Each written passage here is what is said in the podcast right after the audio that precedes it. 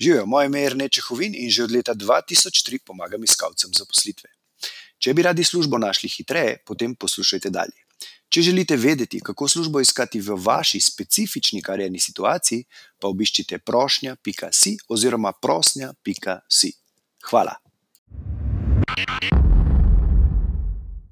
Hej, živijo, je Rene tukaj iz prošnja.si. Danes bom govoril o skrivnem kraju, kamor morate poslati vašo vlogo za zaposlitev. uh, malce hecam, ne? ampak seveda kot, kot uh, tržnik in pisec uh, prodajnih tekstov moram seveda uporabiti tak, uh, bom rekel, dramatičen naslov z besedami, ki pritegnejo pozornost.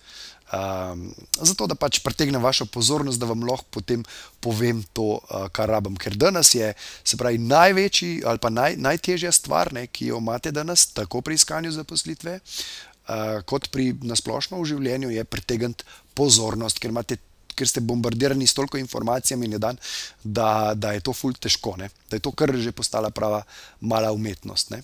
In zato sem uporabil tak naslov. Ampak v bistvu, kaj želim um, povedati, danes želim govoriti o pomenu personalizacije pri iskanju službe. Namreč pod skriti krajine uh, mislim v bistvu pisarno osebe, ki odloča o tem, ali vas bodo povabili na intervju ali ne. ne. Se pravi, to je ta skrivni kraj. Uh, želim pa govoriti o personalizaciji. Se pravi, kako, da, da je fulj pomembno, da vi uh, to, se pravi, vlogo, prošnjo, ki jo pošljete, uh, naslovite na to konkretno osebo z imenom in priimkom. Ne. Večina ljudi tega ne dela, pa v bistvu imajo mogoče ta podatek celo pred očmi, v razpisu piše, ne vem, kontaktna oseba je ta pa ta. Ne. In potem ne, uh, ali pa se niti v bistvu ne potrudijo toliko, da bi to uporabili, ne, čeprav imajo tam podatek tako zraven. Uh, ampak tudi, če ga nimate, zelo, zelo priporočam, da greste in raziščete ali pa pokličete, pa vprašate, ja, komu pa pošljem mojo vlogo, kera oseba, kdo bo to dobil, ne, kdo, kdo bo to prebral. Ne. Zato, da napišete lahko spoštovana gospa Marija Novak.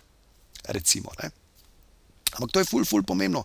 Pomislite, recimo, kako vi uh, tretirate pošto, ki pride po pošti, recimo v vaš nabiralnik, ne? in je tam recimo reklamna pošta, ne? ampak je napisana recimo na vaše ime, ker pač imajo ta podatek. Ne? Kako vi od vse te pošte, ki jo dobite, ali pa od teh splošnih reklam, kera pritegne vašo pozornost, ne? katera vam vzbudi občutek, da je to pa za me. Ne? Ne? To, to, o tem govorim, to ni, da se jaz nekaj tle izmišljujem, pa pametujem. Ne? Ampak to je dokazano, je, da bolj osebni ste, bolj učinkoviti ste. Uh, z uporabo imena in priimka uh, prejemnika, uh, vaše vloge pa sploh. Ne? Uh, ampak o personalizaciji govorim tudi, sem govoril tudi v eni prejšnjih epizod, če se spomnite, ko sem govoril o učinkovitem uh, intervjuju uh, za zaposlitev, ker sem rekel, da je zelo pametno, da zberete tudi kakšen podatek o tej osebi, ki bo z vami intervju delala ne? in potem te podatke, te informacije uporabite, te osebne podatke na intervju. Ne?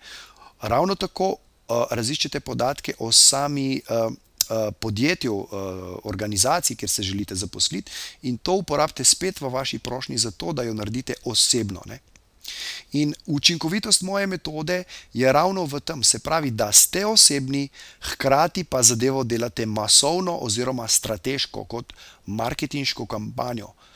Ne vem, lahko najdete 100 potencijalnih delodajalcev in vsakemu od njih pošljete personalizirano prošnjo. Zato tudi govorim o strukturi prošnje, se pravi, da naredite nek univerzalen vzorec, ki pa ga potem personalizirate s temi zbranimi podatki uh, o podjetju in o tej osebi. Zato, da ko on to dobi v roke, si reče: Wow. Ta oseba se je pa zelo potrudila, se pravi, ni to nekdo, ki sam išče službo, zato da jo bo dobil, ampak si dejansko želi tukaj delati, ker je šel in je poiskal vse te podatke, zato da je lahko sploh to na tak način napisal. Tudi, personalizacija je zelo, zelo pomembna. Na drugi strani je pa tudi ta, bo neko masovni pristop, ful pomemben, ker tukaj pa se gre za samo matematiko. Ne? Če pošljete 100 vlog, ne, imate večjo možnost, da boste na koncu uspešni, kot če jih pošljete 5. Ne? In če pošljete 100 personaliziranih vlog, imate pa zelo, zelo velike možnosti, samo s tem dejstvom, da ste to naredili. Če pa not uporabite še razne psihološke trike in te razne finte, ki vam jih jaz razkrivam v teh um, epizodah, ne, uh, potem pa si še povečate vaše možnosti za pridobitev te uh, želene zaposlitve. Ne. To je, to je v bistvu to, o čemer sem hotel danes uh, govoriti. Zelo pomembno, personalizirate vašo, se pravi, ne samo prošnjo, ampak celotno komunikacijo z vsakim delodajalcem posebej in s tem si boste zelo, zelo povečali možnost, da to službo tudi pridobite. Ne? Če bi želeli uh, vedeti, kako to naredite v vaši konkretni situaciji, potem pejte na prošnja.si, tam izpolnite kratek karierni kviz uh, in uh, izdelal vam bo personalizirano, ne, se pravi, magična beseda, personalizirano poročilo, prilagojeno točno vaši situaciji, zato da boste znali, oziroma pravilno iskali službo za vaš konkreten profil. To je to za danes, imejte se lepo.